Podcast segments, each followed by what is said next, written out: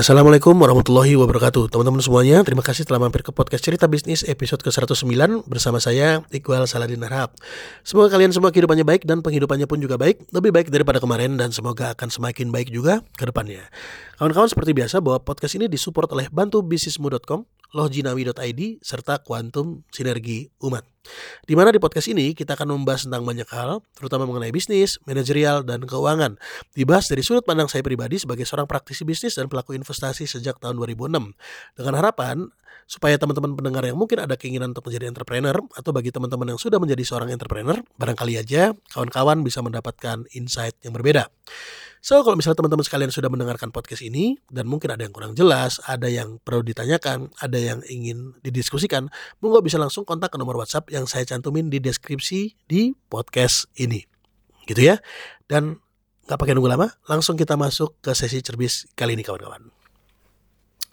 Jadi kawan-kawan, kemarin itu saya kedatangan seorang teman ya yang sudah memfranchisekan bisnisnya dan kayaknya ini dia lagi seneng-senengnya nih karena dia bisa mendapatkan uang dari hal tersebut bisnisnya kuliner dan sekarang dia sudah memiliki ya kurang lebih 10 cabang lah ya dan uh, mundur sedikit beberapa waktu yang lalu juga saya kedatangan seorang kawan ya kawan ini seorang karyawan yang mana dia baru saja membeli uh, cabang uh, kedua uh, apa ya cabang franchise otot franchise kedua gitu loh. Jadi ceritanya singkat cerita si kawan si kawan ini karyawan dan karyawan ini membeli sebuah franchise dan sekarang dia sudah punya dua cabang gitulah kurang lebih.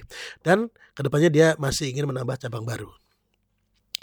Jadi e, ceritanya dua orang ini lagi senang gitu ya. Yang satu pengusaha yang sedang memfranchisekan bisnisnya dia lagi seneng karena dia berhasil menarik uang dari franchise tadi. Dan kawan yang satunya yang lagi memberi franchise ini juga senang karena dia merasa terbantu.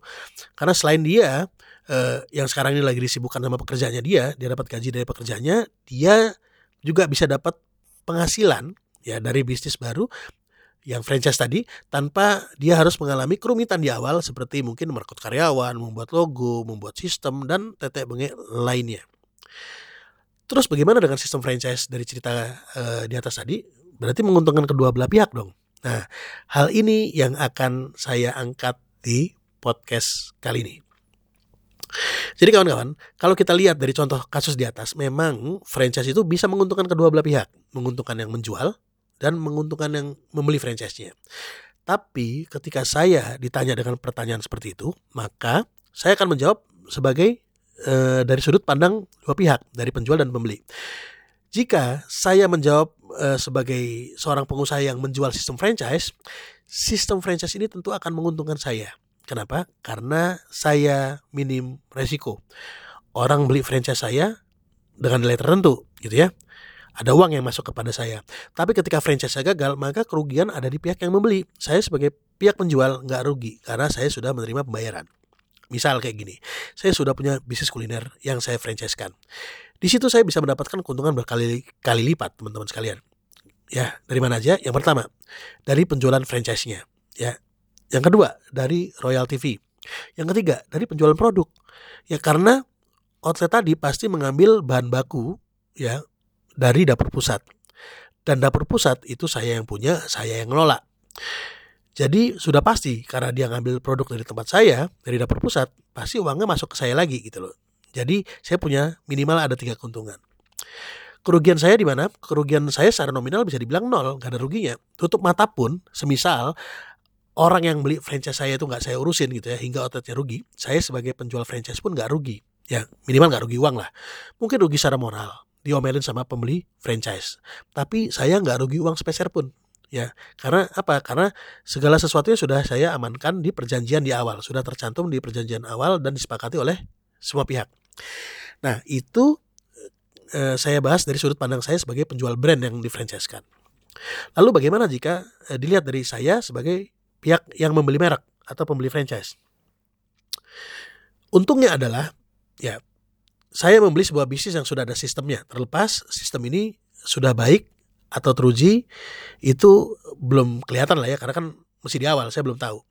Dan minusnya adalah ya pada saat apes gitu ketika saya mendapat franchise yang kurang bonafit. Akhirnya merugi terus hingga akhirnya terpaksa tutup karena nggak punya uang untuk beroperasi. Nah teman-teman di Indonesia itu belum banyak perusahaan yang benar-benar siap untuk membuka franchise dengan matang ya. Lebih banyak perusahaan yang asal jadi membuat sistem franchise. Baru punya dua outlet baru juga berdiri nggak lebih dari setahun langsung buat franchise. Dengan alasan ingin segera mendapatkan uang dengan cara menjual outlet lebih banyak. Dan ya karena memang eh, lebih sering sih bisnis yang baru setahun dua tahun berdiri baru punya satu dua tiga hingga lima cabang itu tergoda untuk langsung eh, difranchisekan gitu loh. Padahal sistemnya belum teruji. Masih ada cabang-cabang yang merugi. Nah, ini memang menguntungkan pihak yang menjual franchise, tapi jelas tidak menguntungkan bagi pihak yang membeli. Ya. Dan saya jika berada di posisi sebagai pembeli franchise dan jika saya punya duit gitu ya, saya akan lebih memilih membeli franchise yang lebih bonafit. Kayak apa? Kayak misalnya Pizza Hut, KFC, AW, Indomaret, Hokben, dan ya kurang lebih teman-teman bisa tahu ya gambarannya model itulah. Mahal, memang tapi kan saya punya duit gitu loh. Jadi saya lebih bisa memilih. Lebih baik saya berinvestasi dengan modal yang lebih tinggi tapi tingkat kegagalannya lebih kecil. Dikarenakan kenapa franchise yang saya beli ini yang harganya lebih tinggi ini lebih uh, apa ya telah memiliki sistem yang lebih stabil. Jadi itu sih menurut saya sebagai pebisnis franchise adalah uh, sesuatu yang sangat menguntungkan saya ya dengan cara memindahkan resiko yang mungkin terjadi kepada para pembeli franchise.